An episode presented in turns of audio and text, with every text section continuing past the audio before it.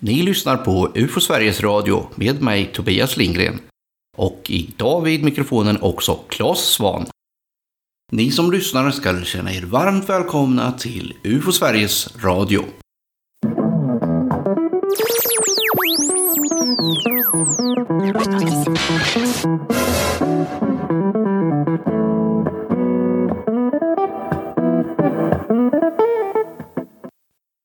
Hur står det till med dig Claes? Mycket i media nu förstår jag med poddande och så vidare de senaste dagarna här. Misstänker att det blir mycket korta inslag och inte så mycket möjlighet till utveckling i de här små inhoppen du gör. Nej men så är det väl. Eh, det handlar ju kanske om mellan tre minuter och tio minuter som man får möjlighet att, att prata. Men å andra sidan så når ju Få Sverige ut till väldigt många lyssnare tack vare som nu senast då är P1 och Studio 1 som ju har en kvalificerad lyssnarskara. Och P4 Extra som har en väldigt stor och även den en jätteduktig och intresserad lyssnarskara. Så att det är alltid lönt att vara med även om det blir kort. Men det är många frågor som inte hinner komma på bordet. Jag tänker ju bland annat på den här som händer i USA när de rapporterar rapporten den senaste. Ja. Eh, men innan vi kommer så långt tänkte jag att det, det är bra med lite bakgrund först. Ja, absolut. Eh, det finns ju lite att säga om den. Ni minns ju säkert att det kom en rapport redan på midsommarafton 2021 då, som det var väldigt stor uppmärksamhet kring. När det amerikanska underrättelseväsendet då lämnade genom en grupp inom flottan på den tiden som hette UAPTF, Identify Aerial Phenomena Task Force, som då lade en rapport på bordet med 144 observationer som man då inte redovisade i detalj utan egentligen bara som, som klump. Då. Men i och med att eh, Pentagon och de amerikanska politikerna har fått intresse nu för att de här frågorna kring de okända föremålen i amerikanskt luftrum ska utredas. Så eh, är ju alla jättespända på varje minsta lilla informationsbit som kommer kring de här fenomenen. Den här nya rapporten, nu då, vad innehåller den egentligen? Ja, om man jämför den då, den, den kom ju bara nu i början på året precis. Om man jämför den med den som kom då 2021 så är den ju oväntat betydligt tunnare. Vi hade kanske trott att det skulle bli mera kött på benen nu när rapport nummer två kom, men så blev det inte då. Men eh, det som framgår av rapporten är ju då att eh, sedan midsommar 2021 och till och med den 30 augusti 2022 så har det kommit in 366 rapporter till eh, den här gruppen då som heter ARO. Den nya UFO-gruppen. ARO eh, kan vi gå in på lite närmare, kanske lite längre fram. Så vi kan bara titta lite på själva siffrorna först kanske i rapporten. Eh, det finns också 119 rapporter med i de här 366 som har kommit in mellan den 5 mars 2021 och midsommar 2021 som alltså inte hann komma med i den här redogörelsen då 2021. Men tittar man då på de här eh, få detaljerna som faktiskt nämns i rapporten så slår man då fast att 195 av de här 366 iakttagelserna som har gjorts främst då utav piloter ska vi säga. De uppvisar inget avvikande sätt att flyga som det heter. Alltså det är väl ett sånt som vi får Sverige får in också då som man tycker kanske då, ja intressant men inte jättekonstigt. Men man ska också veta att hur många som är identifierade utav de här, det vet vi inte. Det verkar som att de inte har lyckats identifiera särskilt många. Men de i alla fall sticker inte ut. Det som är kvar då, 171, Eh, har man inte lyckats liksom då stoppa i något speciellt fack. Eh, om man säger att några av de 171 uppvisar också ovanliga flygmönster och det är väl de, de där sista, som inte, inte anges då till antal. Det är de som är spännande och det är de som även UFO Sverige tycker är spännande. De som avviker. De som uppvisar något, något rörelsemönster som inte riktigt stämmer med, med det vi är vana vid. Men vad de uppvisar för ovanliga rörelsemönster berättar inte amerikanska försvaret för oss. Men vi vet inte och allmänheten vet inte vad de har för undersökningskriterier. Nej, de vet inte riktigt vad de har för eh, kriterier. Eh, det finns en del angivna faktiskt och eh, jag tror att det är svårt för oss egentligen att syna deras kort överhuvudtaget. Eh, vi vet bara att de just nu bygger upp den här ARO-gruppen och att det är ett pågående projekt. Jag tror inte vi kan förvänta oss så mycket förrän kanske i nästa års rapport som ska komma då om ett år, den offentliga. Ja, för vi kan ju tycka att det verkar konstigt ibland med tanke på hur vi arbetar. Och det borde, statistik och siffror och så borde egentligen överensstämma med varandra, men de får ett annat resultat. Ja, de mörkar nog resultatet och det verkar som att de också inte riktigt kanske har den här gruppen igång på det sättet så att de kan identifiera föremål som de kanske borde kunna göra om något år. Jag tror att det där i ligger en del av förklaringen också. Det är inte så att vi får en tunn rapport då också? Nej, jag tror att den är nog lite bättre faktiskt. Eh, vi kan inte förvänta oss att vi får veta särskilt mycket tyvärr. Det är de här hemliga rapporterna som ska lämnas fyra gånger om året varje kvartal då, till kongressen. De rapporterna innehåller ju detaljerna. Och en sån rapport har också lämnats till kongressen även den här gången. Men eh, det har läckt väldigt lite om den. Den släpptes ju till kongressen i november förra året redan faktiskt, den kvartalsrapporten. Och det sades då att det fanns bland annat filmbilder då från eh, eh, amerikanska drönare som användes då någonstans i någon krigszon och där man hade sett då konstiga föremål som hade närmat sig den på något sätt. Vilka är det då som rapporterar till de här grupperna? Ja, hittills har det varit piloter i princip. Den här första rapporten 2021 så var det väl enbart piloter egentligen man hade att röra sig med. Man, man, det, det, är ju en brist det här. Då. Alltså chefen då för, för ARO eh, och det står ju för All Domain Anomaly Resolution Office. Eh, det är ju en som heter Sean Kirkpatrick, en professor inom militären då, inom Pentagon. Han har sagt att han vill ha, få in fler rapporter då från andra anställda inom Försvarsmakten. Han vill få bland annat då eh, flott, flottans eh, personal att rapportera mycket mer och ubåtspersonal till exempel. Han har sagt också då här i samband med rapporten att eh, stigmat nu kring att rapportera har ju lyfts egentligen. Det är nästan helt borta vad det gäller piloterna. De rapporterar i stor utsträckning nu. Men det är inte lyfts uppenbarligen då när det gäller andra delar utav Försvarsmakten. Han säger också då, Kirkpatrick, att eh, man måste få in mera data. Och det ser man också i den här rapporten nu som kom då i början på året att man klagar åter på att eh, det är för lite data. Att man kan inte identifiera eh, ett antal av de här föremålen därför att man har inte nog med uppgifter helt enkelt. Och det beror inte på att observatörerna är usla utan? Nej, sannolikt beror det på att man eh, inte har de eh, sensorer då, som man kallar det för, alltså de radar, den radarteknik, den infraröda teknik och annat som man skulle behöva för att kunna identifiera dem. Men de är väl inte gjorda för att identifiera sådana här grejer egentligen? Nej, de är inte det och det har man ju sagt också då väldigt tydligt att eh, man arbetar på att ta fram eller om man redan har så inventerar man ju det nu då eh, sensorer som ska kunna identifiera, åtminstone registrera och följa de här föremålen på ett betydligt bättre sätt än vad man, man kan göra idag. Så det är ju ett utav de viktigaste uppgifterna som, som ARO har faktiskt. Men du skulle kunna beskriva mer vad de här ARO gör? De har ju bara hållit på ett halvår sedan sommaren 22. Ja, det, det är sant. De har inte hållit på så länge. Och eh, det är först nu också som de har fått pengar till eh, verksamheten eh, på riktigt. När president Biden skrev under försvarsbudgeten för 2023, vilket han gjorde den 23 december förra året. Då fanns det pengar med till ARO.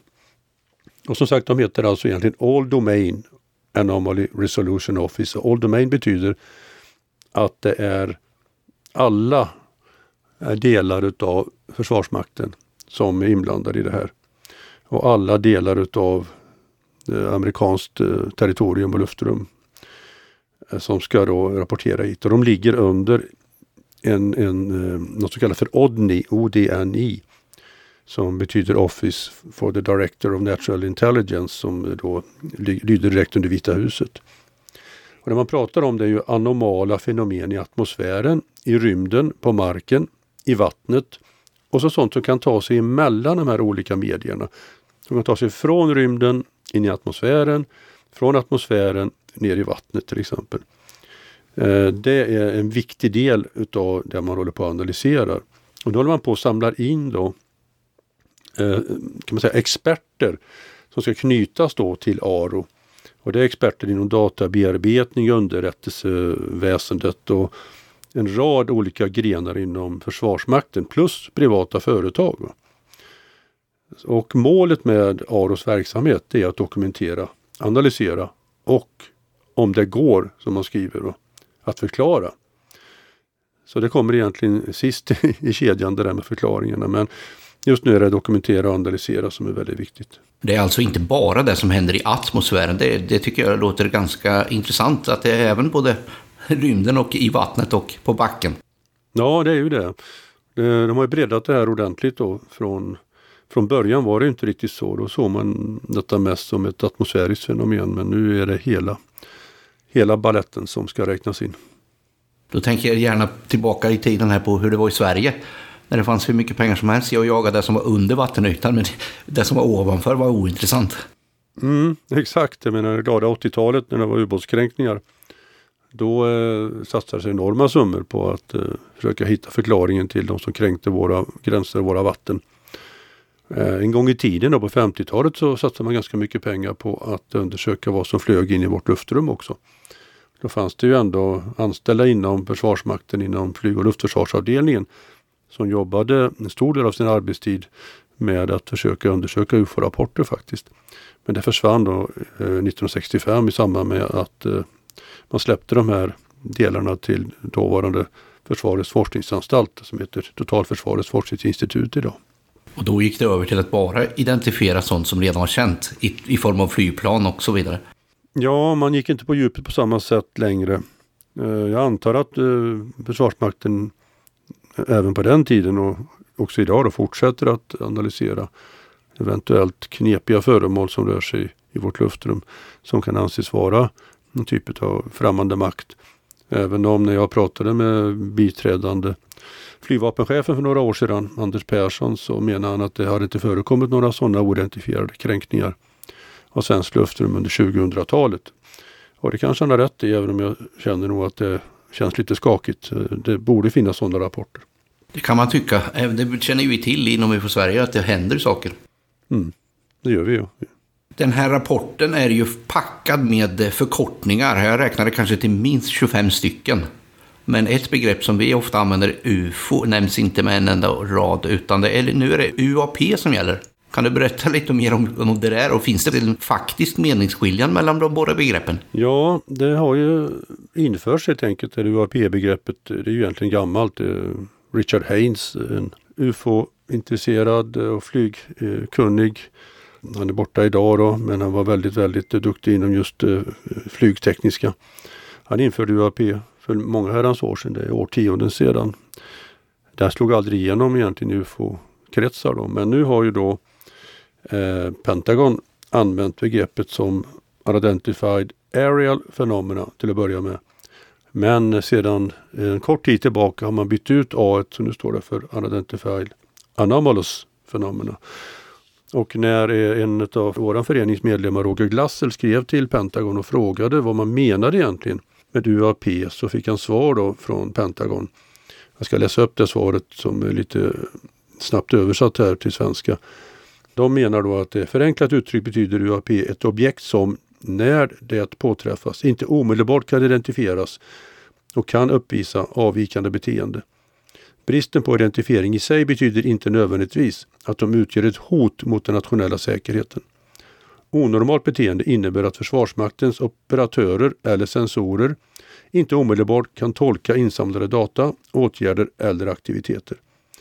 Men Pentagon anser att genom att kombinera den strukturerade insamlingen av data med rigorös vetenskaplig analys kan alla objekt som vi stöter på sannolikt isoleras, karaktäriseras, identifieras och om nödvändigt tas om hand.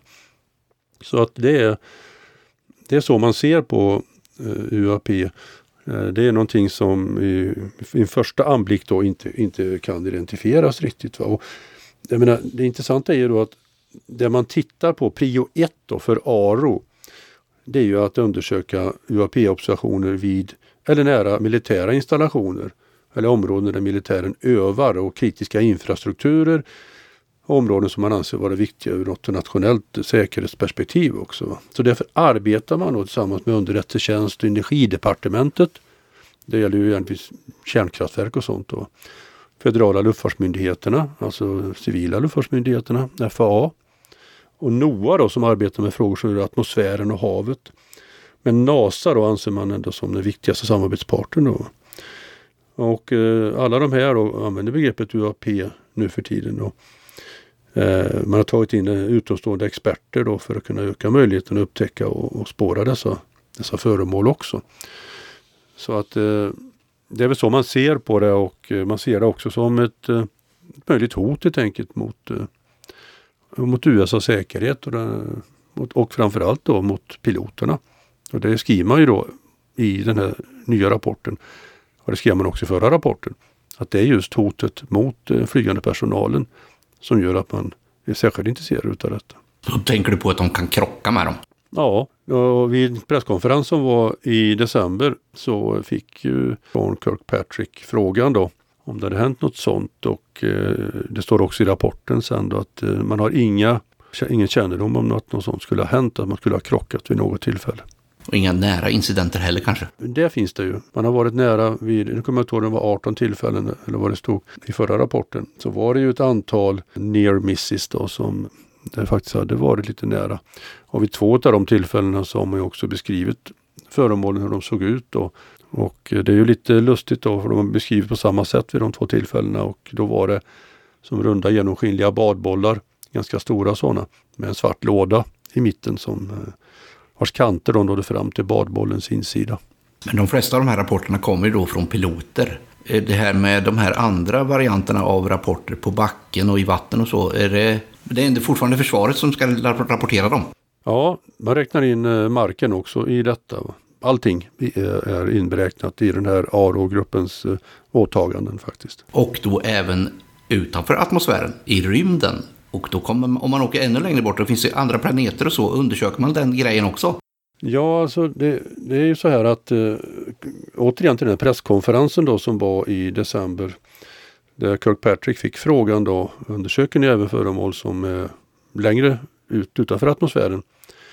Och då sa han det och även eh, då eh, hans chef då, Ronald Moultrie, som också var med där att eh, det ville man inte säga någonting om. Man ville inte avslöja vad man kan se i rymden för att det är eh, en känslig fråga anser man. Va? Eh, det, var, det är lite lustigt också då att Moultrie under den presskonferensen, innan jag återkommer till din fråga, så sa han det att eh, de inte heller hade några trovärdiga rapporter om föremål som hade rört sig mellan rymden och atmosfären eller som har rört sig mellan atmosfären och vattnet sedan i maj. Eh, inga sådana har kommit in. Men det finns ju som många kommer ihåg då kanske utav de som lyssnar på oss en film då som togs av personalen på USS Omaha i juli 2019. Där man ser ett föremål då som eh, går ner i vattnet och försvinner och eh, det är ju någonting som de säkert grubblar över. Men något sånt har alltså inte kommit in sedan i maj förra året. Men, men till din fråga där då, man tänker man kring de här eh, föremålen, kan de komma från andra planeter? Det är ju det som kanske många utav oss och, och de som lyssnar också funderar på. Är det besökare utifrån eller? Och då eh, då stå, sa de ganska tydligt både eh, Ronald Moultrie och Sean eh, Kirkpatrick under den här presskonferensen i december då att eh, de har ingenting som tyder på att besöka utomjordingar. Däremot så tittar de på alla uppgifter som finns kring att det skulle ha då tagits tillvara både utomjordingar, alltså varelser, eh, eller kraschade föremål. Och eh, de sa till och med under presskonferensen att om det nu, om man får veta att det finns en dörr med en lapp på där det står This is the alien room. Det kan vara på skoj bara. Va? Men hittar man något sånt, någon sån uppgift, då kollar man vad finns det bakom dörren. Va? Så att eh, man vill verkligen gå på det spåret också. Det är inte alls så att man lämnar det därhän på något vis. Det är lite kul att höra också vad eh, eh Sean Kirkpatrick, då, chefen för ARO, sa under den här presskonferensen. Eh, han säger precis samma sak som jag säger gång på gång. Det finns inte bara ett svar på de här frågorna. Det finns många svar. Och så, så är det ju. Det finns mängder utav svar säkert. Men det är även så att de håller på och letar i gamla dokument här nu och, och Pentagon håller på och letar bland dokument. Varför gör man det? Ja, det kan ju verka som att eh, det är ju ingen idé att hålla på och rota i saker från 1945. Men är det också Aro som gör det? Ja, det är inte personal på Aro som jag har förstått. Va? Utan jag, jag, förstår att det här är ett, en uppgift som, som kongressen har lagt i alla fall på Pentagon att göra. Exakt vilka det är som utför det, det, det har inte jag sett någon uppgift om faktiskt. Men det ska vara som ett komplement till det andra alltså? Ja, det här är, de har en helt annan uppgift kan man säga. Det man tittar efter i de här dokumenten är inte bra UFO-rapporter. Utan det är för att se om det har funnits ett hemligt UFO-program inom den amerikanska försvarsmakten som allmänheten inte har känt till.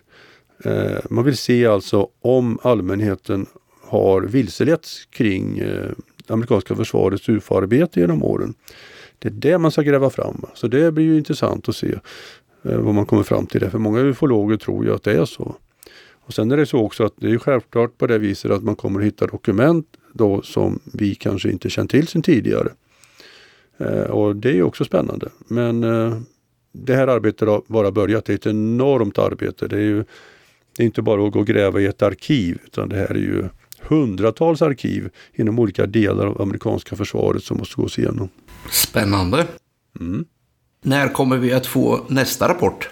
Ja, de här rapporterna ska ju lämnas en gång om året, de offentliga. Och eh, de hemliga då varje kvartal till kongressen. Så att det är väl det tempot som de kommer att hålla. Eh, så det tar väl ett år igen innan det kommer. Och det tråkiga är kanske då att nu kom den här i januari. Och den gick ju då fram till egentligen då någon gång i höstas då igen. Så det har kommit in väldigt mycket mer säkert kring ja, olika rapporter då på det halvår som har gått sedan, sedan dess. Va? Eh, så de ligger efter ganska mycket och släpar ju väldigt länge. Men du vet inte om det kommer in dubbelt så att säga. En, en rapport till försvaret som visar sig vara samma som, som ufologerna får tag i. Det är nog ganska osannolikt eh, att eh, några ufologer kommer att få tag på de här rapporterna direkt ifrån observatörerna i alla fall. För det är ju piloter och sånt som då har... Jag tänker, de är bara människor de här. De kanske vill rapportera även dit. Då kan det vara, men eh, det togs ju ett beslut då nu här i slutet på förra året om att eh, ett visselblåsarskydd där eh, all personal inom Försvarsmakten i USA har skydd då när man lämnar rapporter till ARO.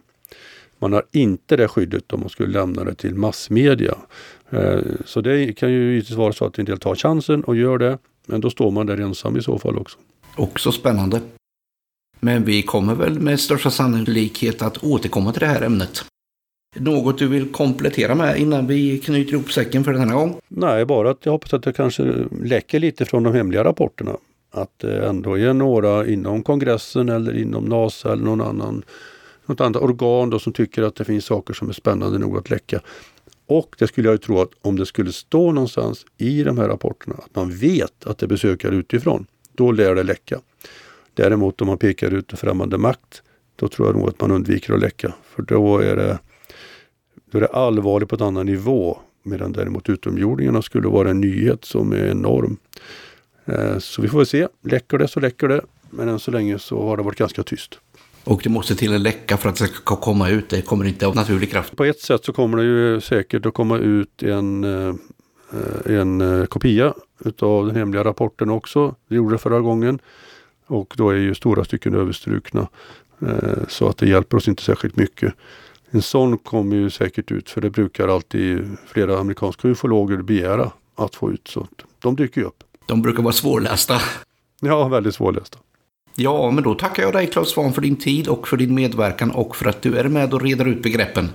Mm, tack så mycket Tobias. UFO Sveriges Radio görs av Riksorganisationen UFO Sverige. Kontakt sker via mail på adressen info.ufo.se. Rapporterar vill ni att du gör. Rapportera en UFO-händelse gör ni enklast via vårt formulär som ni hittar på webbplatsen ufo.se. Om ni gillar det vi gör så är det bästa ni kan göra att fortsätta lyssna på UFO Sveriges Radio. Rekommendera gärna den till andra som kanske är nyfikna på vad UFO och UFO Sverige kan vara. Ha det nu bra var ni än befinner er och ta det lugnt så hörs vi snart igen. Thank you.